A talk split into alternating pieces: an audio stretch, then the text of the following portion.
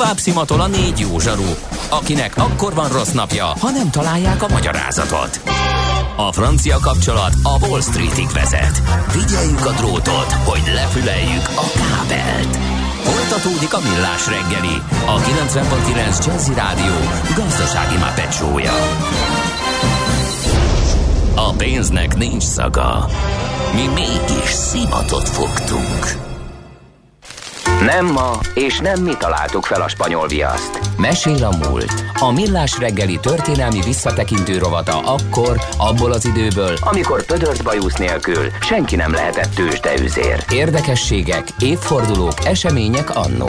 Mesél a múlt. Így trédeltek dédapáink. Természetesen ez a millás reggeli, mégpedig Ács Gáborral. És Kántor Endrével, és a hallgatókkal gyorsan néhány uh, üzenet uh, a feltételezéseddel, a sugalmazásoddal ellentétben nagyrészt uniós pénzből van a villamosítás, írja egy hallgató, mármint a, az északi uh, Balatonparton. Én az értelmét kérdeztem, uh, de nyilván ez és tehát egy, e, e, kedves Jó. hallgató, valószínűleg ne, nem kell. az értékláncot nem tudtad értelmezni. Tehát nem az a kérdés, hogy honnan jön a pénz, az is kérdés nyilván van. Az a kérdés, hogy hova megy. Jó. Ez olyan, mint a vonat. Ez egy, igen, ez egy másik kérdés. Amúgy a déli parton komoly terv, nem a déli partot értjük, azt nem kell. A sínek felütásával jelentősen csendesebb is lett, ez feltehetően az északi partról is így ez meg hol magyarázza a villamosítását? Föl lehet újítani drót nélkül is. A projektet amúgy a EU finanszírozza, egy, igen, köszönjük szépen ezt a kiegészítést. Aztán Margit körút csúnyán beállt a híd felé kitartás mindenkinek, stúdióban és autóban, köszönjük Tigernek, és ja, a QR kód nem kopik és nem színeződik majd el, hiszen a raklapokra vigyázni szoktak, írja András, hát nem tudjuk, annyira nem vagyunk raklap szakértők, ha, ha szakik azt mondják, hogy ez a jó technológia, akkor bizonyára úgy van. Na, de ezt is elolvastam. Azt mondja, Katona Csaba a legjobb szüle, szülinapi ajándék írja Aliz, mármint neki, Aliznak. Na, hát akkor Aliznak, Aliznak születésnapjára. Nagyon boldog születésnapot Aliz, és a velünk. vonatok és a Balaton után marad a Balaton, és a Balaton festője, de itt van velünk a vonalban Katona Csaba. Szervusz Csaba, jó reggelt! Szervusztok, jó reggelt kívánok, és hát akkor minden más előtt Aliznak boldog születésnapot kívánok. és hát, ha már a Balaton szóba jött, ahogy ti is mondtátok, valóban a Balaton festőjével fogjuk folytatni, mert persze aztán ezt a Balaton festője címet ki lehet osztani akár több embernek is, mert miért kéne ezt bárkinek is sajátítani, de azt gondolom, hogy Egri Józsefet mindenképp megilleti több ok miatt is. Hadd kezdjem egy kis uh, személyes kötődéssel, hogy miért fontos nekem Egzi József, mert nyilván én a Balatonnal rengeteget foglalkozom, tehát ez benne van, de még egészen kiskölök voltam, amikor leemeltem a polcra egy kötetet otthon, és az volt a cím, hogy a Tihanyi Echohoz versek és rajzok a Balatonról, és hát itt Babistól Kassákon át, Vörös Sándortól Pilinszkiig mindenkinek benne voltak a versei. Vittár Gábor állította össze, hogy a nevezetes ifjúsági író 1958-ban, tehát nem a legvidámabb időkben, viszont ezt a kötetet csodálatos rajzók díszítették, és a címlapján is egy balatoni táj volt látható, és ekkor ismerte meg Egri úr ezt nevét. Na. Mert hogy az ő rajzai kerültek bele, és hát nagyon-nagyon igaznak tűnt az, amit ő mondott, hogy én nem a Balatont, hanem annak világát festem. Hiszen így nagyon sajátosan jelenítette meg az ő Balaton képét, ami hát tényleg egy azt gondolom, hogy eltévesztetett stílussal. Tehát ez igaz a fekete-fehér alkotásaira, de főleg igaz a színes alkotásaira. És hát valaki elmegy Vadacsonytól, majd ma mai napig megtalálhatja az Emlék Múzeumát. 1991-ben jutottam el oda, tehát itt a 30 évvel ezelőtt nyáron, és az is komoly hatást gyakorolt rá. Mindenki azzal folytattam, hogy ekkor határoztam, hogy festőre szinte semmi ilyen nem történt. de, de megvetted a megfelelő eszközöket a biztonság kedvéért? Egy addigra már tisztában voltam vele, hogy nem feltétlenül a kézügyességemből fogom biztosítani a jövőmet, maradjunk annyiban. Azon kívül ilyeneket is mondott ő, hogy egy darab feltárt művészet többet mondhat koráról, mint az összes írott történelem, ezzel meg nem tudom maradéktalanul azonosulni. De ez egy másik kérdés. Uh-huh. Viszont, viszont még jobban megszerettem, ez tagadhatatlan, és hát mivel évfordulója van, ugye itt Badacsony Tomai 1805, tehát 51. június 19-én halt meg, ezért emlékezünk meg róla ezen a kerek évforduló kapcsán, és kezdjük mindjárt azzal, hogy egy nagyon nehéz sorsú családból származott, tehát Zala megyei volt, Zala újlapon született 1883. március 15-én, és egy, egy napszámos paraszti családban, ráadásul ezt a családot egy rosszul sikerült üzlet azzal sújtotta, hogy gyakorlatilag minden pénzüket elvesztették, minden vagyonukat, ezért aztán fiatalon, már amikor még gyerek volt Egri, akkor a család Budapesten próbálta meg a megélhetését fedezni, hogy talán jobban tudnak boldogulni a nagyvárosba. Hát egyrészt nem tudtak jobban boldogulni a nagyvárosi nyomorba, másrészt ez a tőzsgyökeres zalai paraszti család soha nem tudta megszokni a városi környezetet, úgyhogy nem teljesen úgy sikerült ez a dolog, ahogy ők eltervezték, hogy majd itt jobban ki tudnak bontakozni, teljesen más irányba vitte el őket ez, és nagyon hamar kiderült, hogy miközben Egdi, aki 8-9 éves korától már hozzá kellett, hogy járuljon a család megélhetéséért, tehát mindenféle munkákat végzett, hát egyfelől tehetséges, másfelől pedig elég nehezen viseli a, a, az emberi kapcsolatokat, tehát nagyon-nagyon nehéz volt hozzá közel kerülni, és ebből végül is az mentette ki hogy hát olyan emberek segítették ők meg, mint Lika Károly, aztán később Szinyei Merse Pál és Ferenci Károly. Uh-huh. Tehát hála Istennek a tehetségére felfigyeltek az idősebb, már sikeres pályatársai, kollégái, és akkor így esett, hogy 1910-től már kiállító művész volt, tehát nem egészen 30 évesen. Hát persze lehet erről beszélgetni, hogy most fiatal, nem fiatal, maradjunk annyiban, hogy elindult egy olyan pályára, ami végül is aztán meghatározó volt számára. És Igen, de 18 évesen már kiállították a képeit, tehát nagyon fiatal. Abszolút. Abszolút, tehát ez, ez, ez, ez, ez, ez tényleg nem volt más mögötte, mint a tehetsége, akárhogy is nézzük. És hogy milyen ember volt, azzal kapcsolatban inkább segítségül hívnám a hosszú életű Somogyi költőt Takács Gyulát, aki neki igen jó barátja volt. De Takács Gyula 1911-ben született, 2008-ban halt meg, tehát lehet azt mondani, hogy a 20. századot végigélte, és sokat dolgoztak együtt. 1955-ben megjelent egy kötet, ez is nagyon közel áll az én szívemhez, az a című, hogy Vizitükör. Egri és Takács közösen jegyzik, alcím rajzok és versek, és kettejük munkájából áll össze. Tehát egyfelől balatoni versek, Takács Gyulától, ott Gyökeres Somogyitól, másfelől Egri Józseftől pedig rajzok. De más kérdés, ez 1955-ben jelent meg, tehát Egri már nem érhette meg sajnos ennek a megjelenését. E, Takács viszont nagyon közel állt hozzá, tehát őt elfogadta, és e, hát nagyon érdekes dolgokat ír róla. Ugye fontos azt tudni, hogy baleset érte őt az első világháború alatt Negri Józsefet. Rossz volt az egészsége, tehát kínoszta a tüdőbe, ugye a, gyerekkornak a, a nyomora az ilyen értelemben sajnos elkísérte őt, és végül is a Badacsonyban talált magára, és pedig azért, mert megismerkedett a később legendássá vált Hableány vendéglőben berendezett hadikórházba. Ugye a Hableány a Badacsonynak a legendás diszkója volt, nem tudom, jártatok ott. Igen, az, az, a nagyon ronda szociál épület volt. Az, az, az, az, az, Mindenki az, járt ott szerintem, aki uh-huh. a Balaton környékére levetődött. Az az, na és hát ez a Hableány vendéglő, ez, ez ugye örökletes volt, és ennek, ennek a elügye volt az, ahol megismerkedett Pauler Juliskával, méghozzá hát a tőzsgyökeres értelmiségi Pauler családnak a leányával.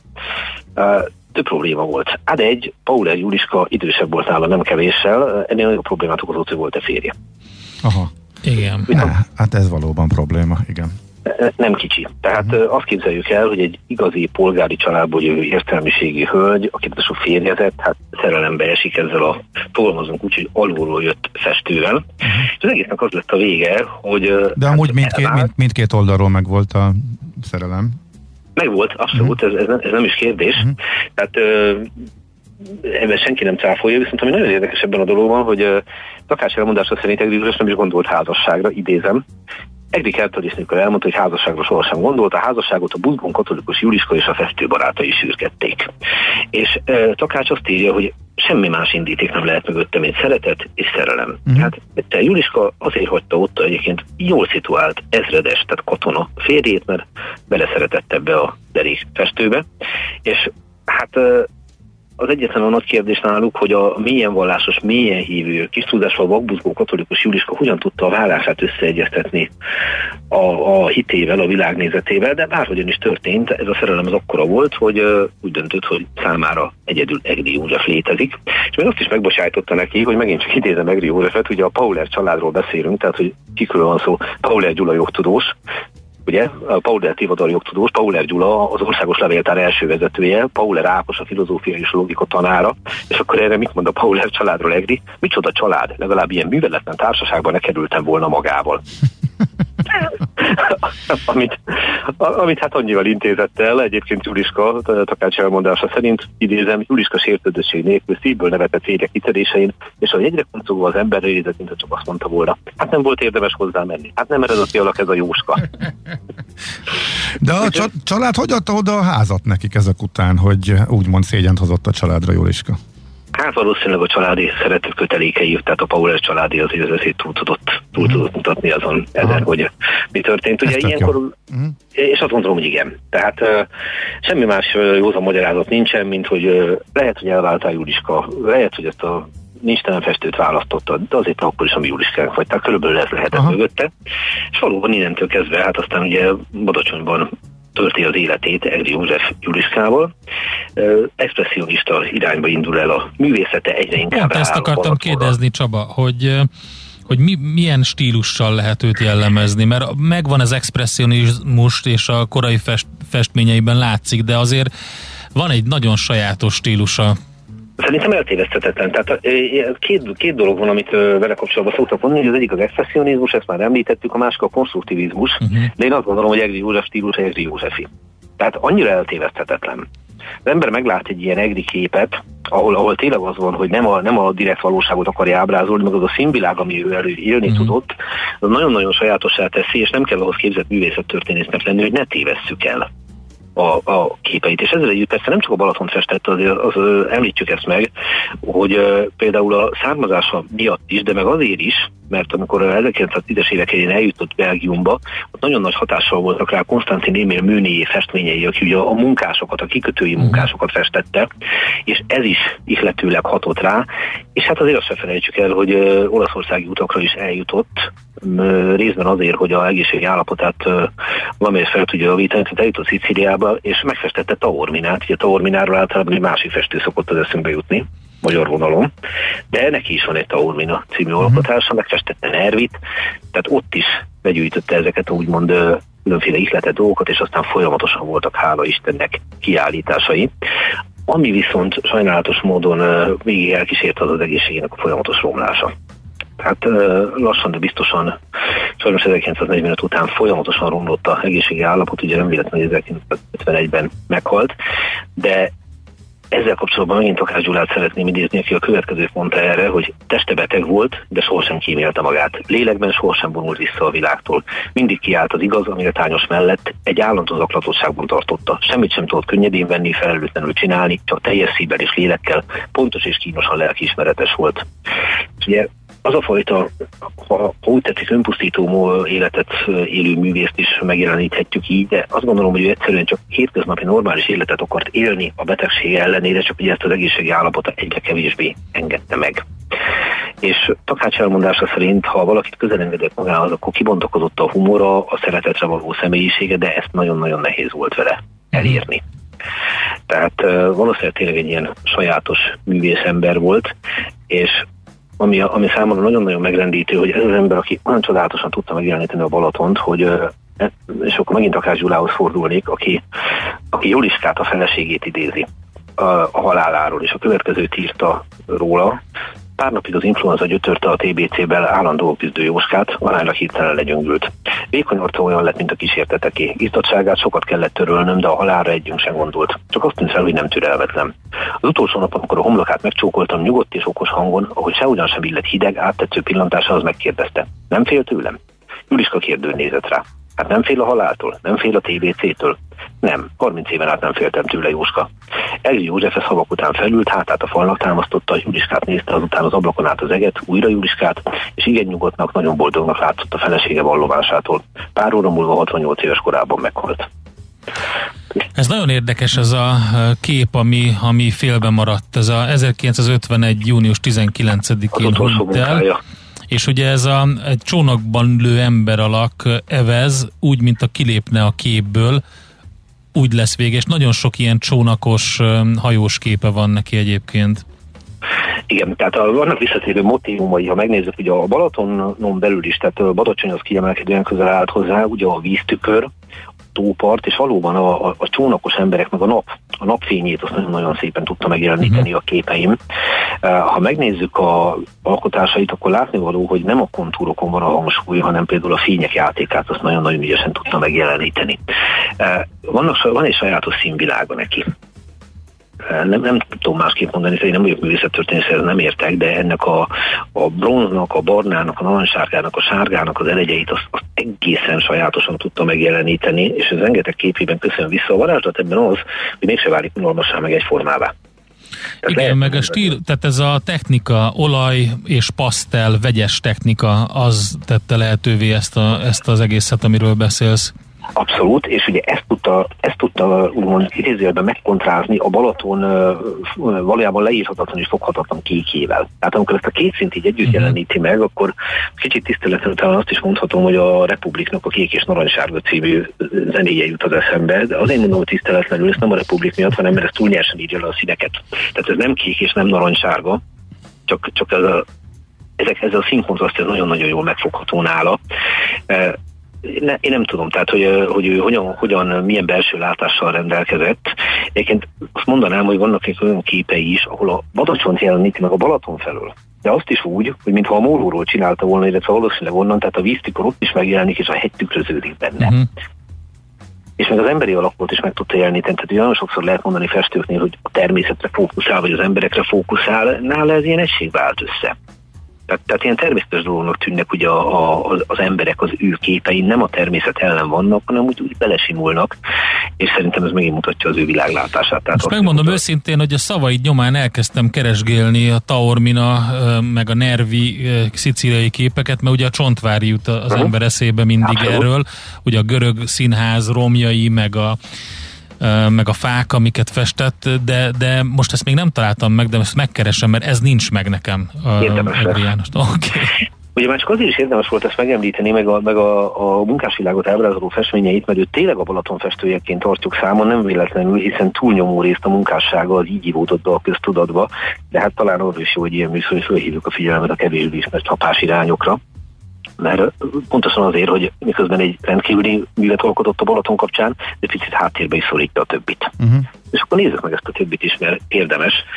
És hogy hát jó szívben gondoljunk rá, bár azt gondolom, hogy ennélkül is jó szívben gondolunk rá, megint csak Takás Gyulát idézném, hogy mit írt arról, hogy hogyan és miként viszonyult az élet örömeihez.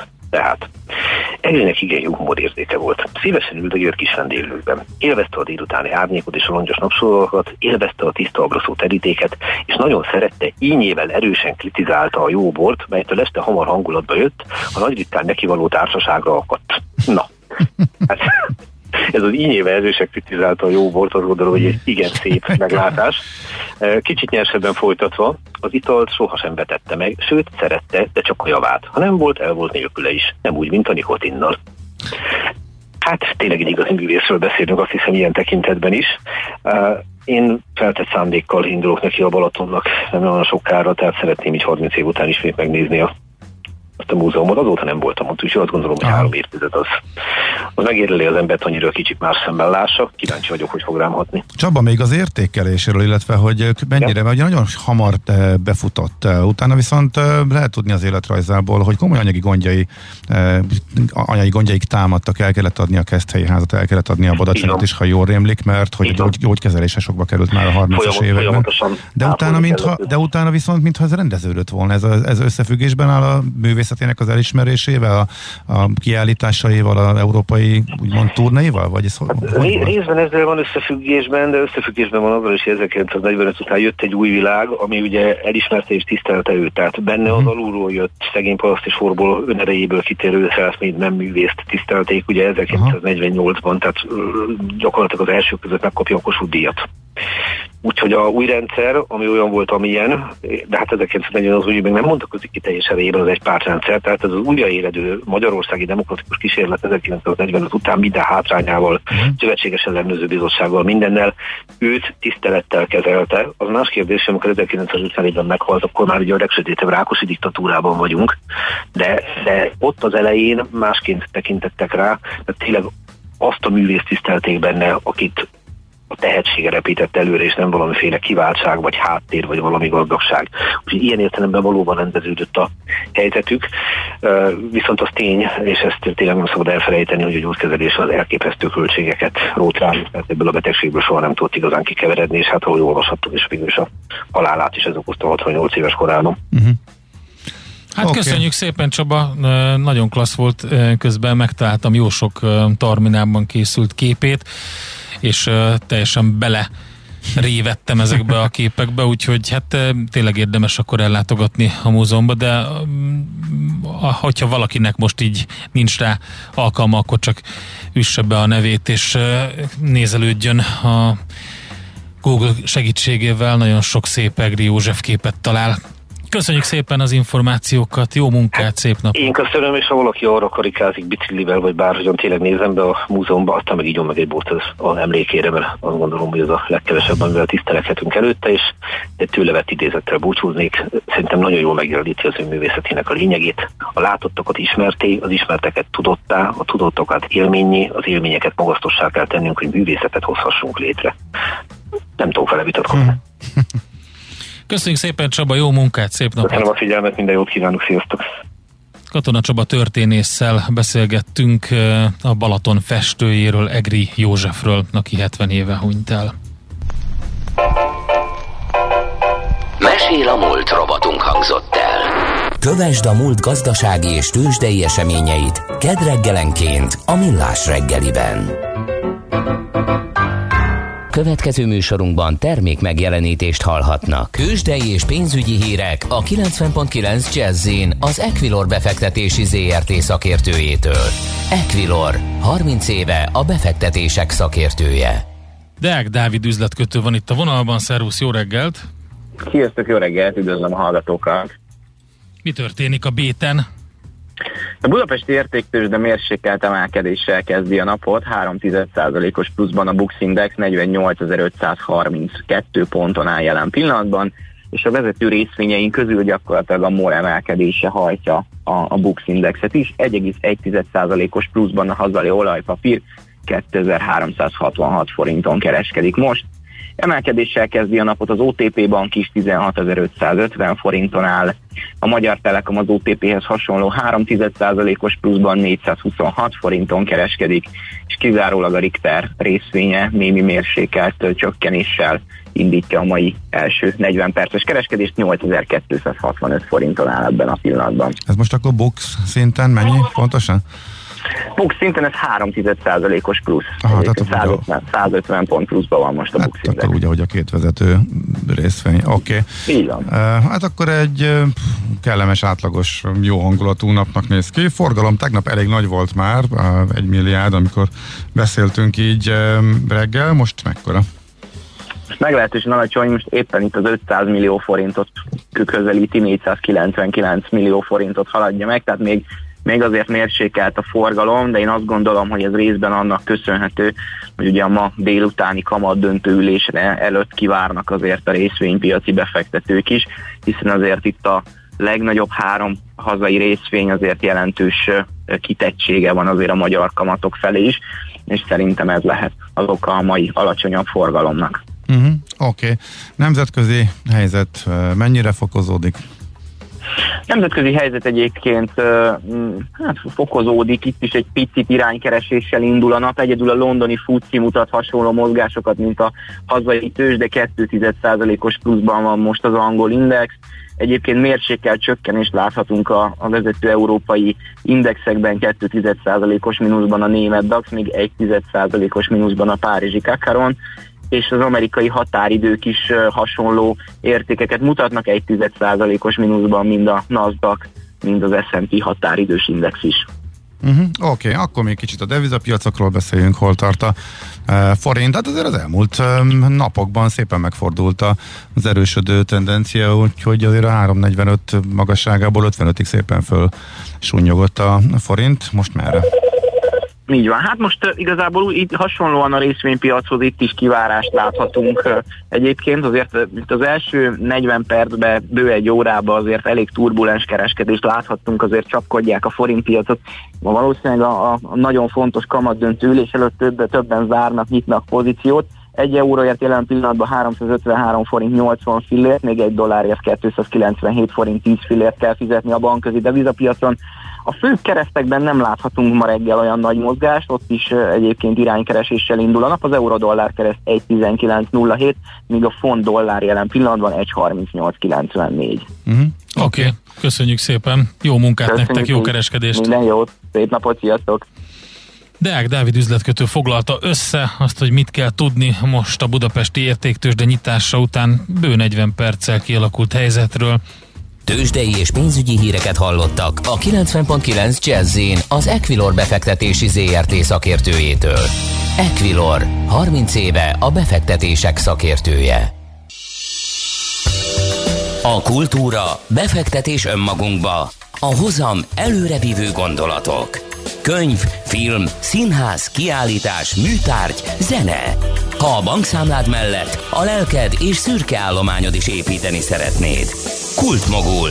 A millás reggeli műfajokon és zsánereken átívelő kulturális hozamgeneráló rovata következik. A rovat támogatója a Budapesti Metropolitán Egyetem, az Alkotó Egyetem. És arról fogunk beszélgetni, hogy 70 éves lett a Magyar Állami Népi Együttes. Ez egy nagyon komoly jubileum. A vonalban itt van velünk a Magyar Állami Népi Együttes művészeti vezetője Pál István Szalonna. Szervusz, jó reggelt kívánunk! Szép jó napot kívánok, és a hallgatókat is üdvözlöm. Szia! Hát eléggé rossz év van sok mindenki mögött. Ugye folyamatosan néztük azt, hogy az egész előadó szakma az mennyire sínlette meg a pandémiát, csak úgy, mint ugye a, a, a fogyasztók, a, a zenerajongók is, akiknek hát, hát kénytelen, kelletlen ugyanolyan lemondásokkal volt tele. Nyilvánvalóan ők azért máshogy élték meg. De kicsit el, először arról beszéljünk, hogy mit jelent ez a 70 év a Magyar Állami Népi Együttes számára. Ugye csodálatos szám, az 51-ben megalakult Magyar Állami Népi Együttes, ez alatt a 70 esztendő alatt én azt hiszem, hogy a legjobb táncosokkal, legjobb zenészekkel, legkiválóbb koreográfusokkal dolgozott, és hát azt lehet mondani, hogy szinte az egész világon játszott. 5-6 millió ember látta a nagyvilágban, és, és olyan emblematikus előadásaink voltak, amelyek például itt a Naplegenda, ami 200 előadást ért, vagy az Ecseri Lakodalmas, ami 1000 előadást is megért, tehát vannak olyan, olyan számok, amelyek tényleg magával ragadóak. Turnéztunk szinte a világ összes kontinensén, de, de nekünk még mond a mai napig az a jó érzés, amikor belépsz az államiba, ugyanolyan, mint hogyha első nap lépné be, az ember mindig tenni akar, szereti ezt a közösséget, és hát azt, azt látjuk, hogy, hogy igenis az emberekbe van érdeklődés az együttes után 70 esztendővel is, és, és mi büszkék vagyunk arra, hogy ennek az együttesnek a tagjai lehetünk. Hogyan lehet megújítani egy ilyen e, együttest, egy ilyen, e, nem csak az, hogy a repertoárból olyanokat beválasztani, mi esetleg eddig kevésbé volt e, műsoron, hanem, hanem önmagába az egész arculatod, zenét, ami, ami tényleg egy hagyomány. Ezt hogy lehet, hogy lehet új e, lendületet vinni bele? Mi azt láttuk az elmúlt esztendőkben, hogy hogy követni kell a technika fejlődésének eh, az útját. Értem itt ez alatt a színpadi fénytechnika, hangtechnika, az, hogy a zenekar mozog, nem egy fix helyen játszik, az, hogy, hogy olyan díszleteket használunk, amely színháziasabb, és, és nem csak egy eh, folklór műsor. Tehát ez egy színpadi műfajjá vált. Ugye a hagyományos néptánc az mindig aktuális, mert az emberről szól embereknek. Tehát ez egy közösségi forma. Amint a színpadra helyezed magát ezt a produktumot, akkor igenis vannak a színpadnak szabályai, és ezeket követni kell. Mi látjuk a saját életünkben, akár az elmúlt 20 évben például, mióta én a Magyar Állami Népítésben dolgozok, hogyha a Magyar Állami Népítéssel elkezdünk mikroportokat használni, és a zenész megy a táncossal, és vannak olyan jelenetek az országban, ez elterjedt. Tehát igenis fontos az, hogy milyen jellegű dolgokat csinál, fontos az, hogy példamutató legyen, de egy valami a legfontosabb, mindig a hagyományban gyökerező dolgokból kell kiindulni. És ehhez lehet a modern mai világnak az eszközeit hozzá csatlakoztatni, de nem veszíthetjük el soha azokat a gyökereket, amin alapszik a mi kultúránk és a mi műfajunk. Az elmúlt húsz évben hogyan változott az igény, illetve a megítélése itthon és külföldön ehm, a magyar néptáncnak, akkor inkább a, így az egészet, ne csak a népjegyüttesre vonatkozzon a kérdés. Hogyan látod? Én azt látom, hogy, hogy reneszánsza van a néptáncnak. Tehát, hogy, hogy azt lehet mondani, hogy nincs a Kárpát medencében olyan 20 kilométer, ahol ne lenne egy néptánc együttes, népzenekar, egy citer együttes. Uh-huh. Tehát én, én nagyon pozitívan, pozitívan élem meg a dolgot, mondjuk én egy elég ilyen típusú ember vagyok. Sokan csinálják, már bölcsödébe, óvodába is találkoznak a néptánccal, tehát egyre, egyre több ember szereti meg, és nagyon fontos, és ez akár a mi állami dolgainkban is, vagy bárki, aki ezzel foglalkozik. Hogyha az embereknek őszintén juttatod el ezt a műfajt, és legyen az egy romkocsma, vagy egy nagy színpad, és teljesen mindegy, hogy hol vagy. Ha őszinte pillanatában találkozik ezzel, és jól muzsikát, jól táncoz, az embereket megérinti. Mert ez nem kitalálmány, hanem tényleg emberi érzéseket táncol el, énekel el, muzsikál. Uh-huh. Pont azt akartam kérdezni, hogy, hogy te, mint, mint zenész, és miben látod a különbséget, hogy amikor mondjuk a Decsi lakodalomban, vagy egy esti buliban zenélsz baráti körben, meg mondjuk a színpadon, akkor, akkor, akkor mi az, ami, ami számodra más, vagy mi az, ami ugyanaz? Minden ugyanaz. Én kiállok, elfelejtem a csekkbefizetést, a dugóban állást, a bármi nemű olyan gondot, ami a hétköznapi ember mindennapos. Azt szeretném, hogy azok, akik beülnek hallgatni, azok is feledkezzenek el erről. És emelkedjenek meg a földtől 15 centire, és az az idő, amit a művészettel töltenek, az valóban varázsolja el őket, és, és tudják szeretni. És az államiban szintén ugyanez a feladatunk, és teljesen mindegy, hogy az ember most bandával megy el, vagy az államiban musikát, tegye oda ugyanazt a legjobb tudása szerint, és tér tér. Uh-huh. Hogyan érintett benneteket a járvány? Ugye megszűntek a fellépések, illetve most a kilábalásban hogyan indul újra az élet? Ez a pandémia, ez ilyen szempontból, tehát földbe állt az egész szakmánk, azt tudom mondani. Tehát, hogy egyik nap volt, tehát mi úgy voltunk, hogy készültünk március 14-én a verbunkos műsorunkra, amit minden esztendőben játszunk, és vagy 13 és azt mondták 14-én, hogy na akkor ez megállt. És mi onnantól kezdve semmi. És még az elején én is úgy otthon tettem, vettem, zenéket rakocsgattam össze, gyakorolgattam, de egyszer jött egy olyan pillanat, amikor azt érezte az ember, hogy ha ez így marad, akkor alapjában ránk nincs szükség. Mert legutoljára a művészetre van szükség, ha az emberek tényleg a, az éhen eh, halással küzdenek az, az egész világon, és akkor, akkor nem, és utána azt mondtam magamban, nem, hát ez nem így van. Tehát az embernek a testi és a lelki táplálék pont ugyanolyan fontos, tehát egy idő után e, visszatér a világ, és azt látom, hogy ahogy, ahogy elkezdett egész Európa, vagy lényegében ez a mi részünk úgy nyitni, a fellépések gombamód elkezdtek szaporodni. Az embereknek igényük van a táncra, muzsikára, ott vannak a fesztiválokon, ott vannak a koncerteken. Ezt most volt nem régiben a Margit-szigeti szabadtérin a jubilami koncertünk a Szalonnabandával, hihetetlen érzés volt, tényleg. Uh-huh. A tapsoknak örülni, az emberek mosolyának örülni, valami olyan kimondhatatlan érzés, hogy, hogy tényleg csoda. Uh-huh. És ezért érzi. Hmm, akkor Fesz... tele vagytok a következő időszakra, gondolom, ez tök jó. A jubileum kapcsán még nem a A programokról, programokról beszéljünk, eseményekről, így van.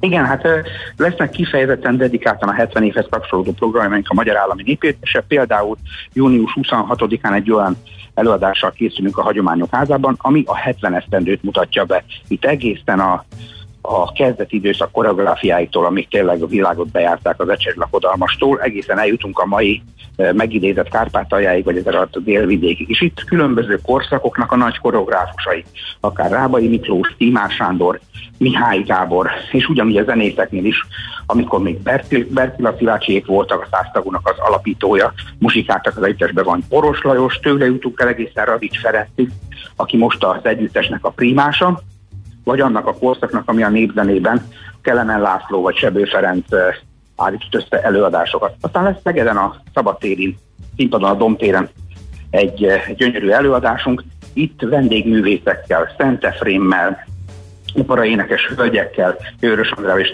Stasny Zsófiával, Lajkó Félixel, Ferenci Judival, az első pesti rackákkal, a Szolnoki Szimfonikus Zenekarral is, és mi is az együttesnek a két zenekarával jelen leszünk. Aztán lesz egy gyönyörű kiállításunk, amelyek a 70 év plakátjait, pillanatait mutatják be, ez a Hagyományok Háza előtt lesz kiállítva. Jubileuma van a naplegendának, a Tokai Katlanban fogjuk augusztusban bemutatni. Tehát rengeteg-rengeteg nagyon, nagyon szép programunk lett, és hát ugye a pandémia miatt mi igyekszünk most úgy csinálni, hogy nem január 1-től van az évadunk január 1 hanem májusban, amikor 51 májusában volt a Magyar Állami Népületes első bemutatója, májustól májusig tart az évadon. Hát akkor nagyon jó évadot kívánunk nektek, és köszönjük szépen, hogy tudtunk beszélgetni. Sok-sok jó Én pillanatot még, jó zenélés nektek. Köszönjük szépen. Nagyon szépen köszönjük, sziasztok! Pál István Szalonnával beszélgettünk, aki a Magyar Állami Népi Együttes művészeti vezetője, természetesen a saját zenekara is nagyon fontos számára beszélt is erről az elmúlt percekben.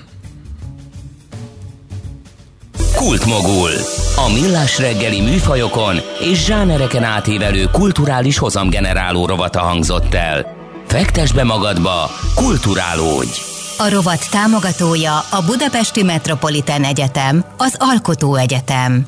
Nekem mindenki úgy ismeri őt a családban, hogy Pál István Szalonna, a nagyszerű prímás, mert hogy lovas így konferálja be azon a koncertlemezen, ami a Spotinkon ja, rajta van, a csendesülős kispál koncert albumon, a zsákmányállatban játszik, akkor csinálták meg először azt a hegedűs verzióját, ami egy sokkal jobb lett, mint az eredeti, és azóta uh-huh. is azon a playlistemen az a verziója annak a dalnak, és a végén bemutatja a zenekart, és rajta van, rajta marad, és hogyha hallgatod, ha nem ugratott tovább, akkor a zenekar bemutatása ott van, és a Pál István. Csendesülős hangulatba képzeld ide akkor a lovasi hangját, Pál István szalonna a nagyszerű prímás, amikor bemutatom a zenekart, úgyhogy nekem mindig ez ugrik be, örülök, hogy, besz- örülök, hogy beszéltünk vele most nagyon.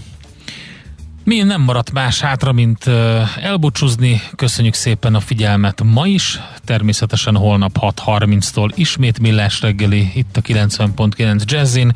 Addig is jön egy jó kis uzsonnakamat, majd este egy ismétlés a műsornak egy jó interjúját ismételjük meg itt a Jazzin. De a millásreggeli.hu-n az összes podcastünk külön kivágott tartalommal is és teljes egészében is meghallgatható, csak úgy, mint a Facebook oldalunkon, ahova ezeket szintén posztoljuk, és a Spotify-on is rajta vagyunk, úgyhogy minden irányból meg lehet minket találni. Két üzenetet még hadd mondjak. Az egyik gyorsan, hogy miért nem promózátok jobban a YouTube csatornátokat? Baromi jó, hogy azonnal is rovatokra ja. szélbontva felkerülnek az adások, az élő videós adás is mehetne ott Igen. live-ban, szerintem komoly elérést hovna. Így YouTube csatornánk is van, köszönjük szépen, tényleg így van, bontásba kerül fel minden, úgyhogy ott is lehet minket keresni, a Millás reggelire keressetek rá YouTube-on. És Jurit írja, hogy hat éve, lassan hat éve minden évben elmegyünk a múzeumba, Egri József Múzeum, ahol elmesélték, hogy minden évben kérdéses, hogy nyitva tudnak-e maradni a következő évben is, mert veszteséges. Tavaly egész évben zárva is volt a múzeum, a koronavírus helyzetre hivatkozva, remélem idén nyitva lesz. Remélem Csaba tájékozódott, amikor Katona Csaba ajánlotta, hogy uh-huh. nyitva van, én is le fogom e, csekkolni. Eh, aki tud és menjen, és támogassa a belépőjegyével is, hogy nyitva is tudjon maradni. Úgyhogy ezt mi is támogatjuk, és én is biztos, hogy legközelebb, amikor a Baracsonyba járok, akkor meglátogatom. Na, köszönjük szépen. Köszönjük a figyelmet, holnap uh, kijön, te jössz? Uh, holnap szerda, igen. Én, egyszer nem jövök, te jössz. holnap még igen. Holnap te jössz, és a Gede kollégával. Uhú, über, brutál, morgós összeállítás lesz itt a millás regében. Ha van ez a tízezerszeres nap, meg százezerszeres nap, meg minden, úgyis most volt ugye napköszöntés, és egyébként Szentiváné, és stb. Úgyhogy most ez így szerintem abszolút egy 6 milliószoros morgószorzó nap lesz. Holnap a millás reggeliben ezzel kezdünk, úgyhogy rögtön kapcsolódjatok be. Köszönjük szépen a figyelmet. Sziasztok! A Millás reggelit nem csak hallgatni, de nézni is lehet. millásreggeli.hu Már a véget ért ugyan a műszak, a szolgálat azonban mindig tart, mert minden lében négy kanál. Holnap reggel újra megtöltjük a kávésbögréket, beleharapunk a fánkba és kinyitjuk az aktákat. Addig is, keressetek minket az arcaktákban, a közösségi oldalunkon. A mai adás podcastjét pedig holnapunkon. Millás reggeli, a 90.9 Jazzy Rádió gazdasági mapetsója. Ha csak egy műsorra van időd idén, tégy róla, hogy ez legyen az. Csak egy dolog lenne még. Műsorunkban termék megjelenítést hallhattak.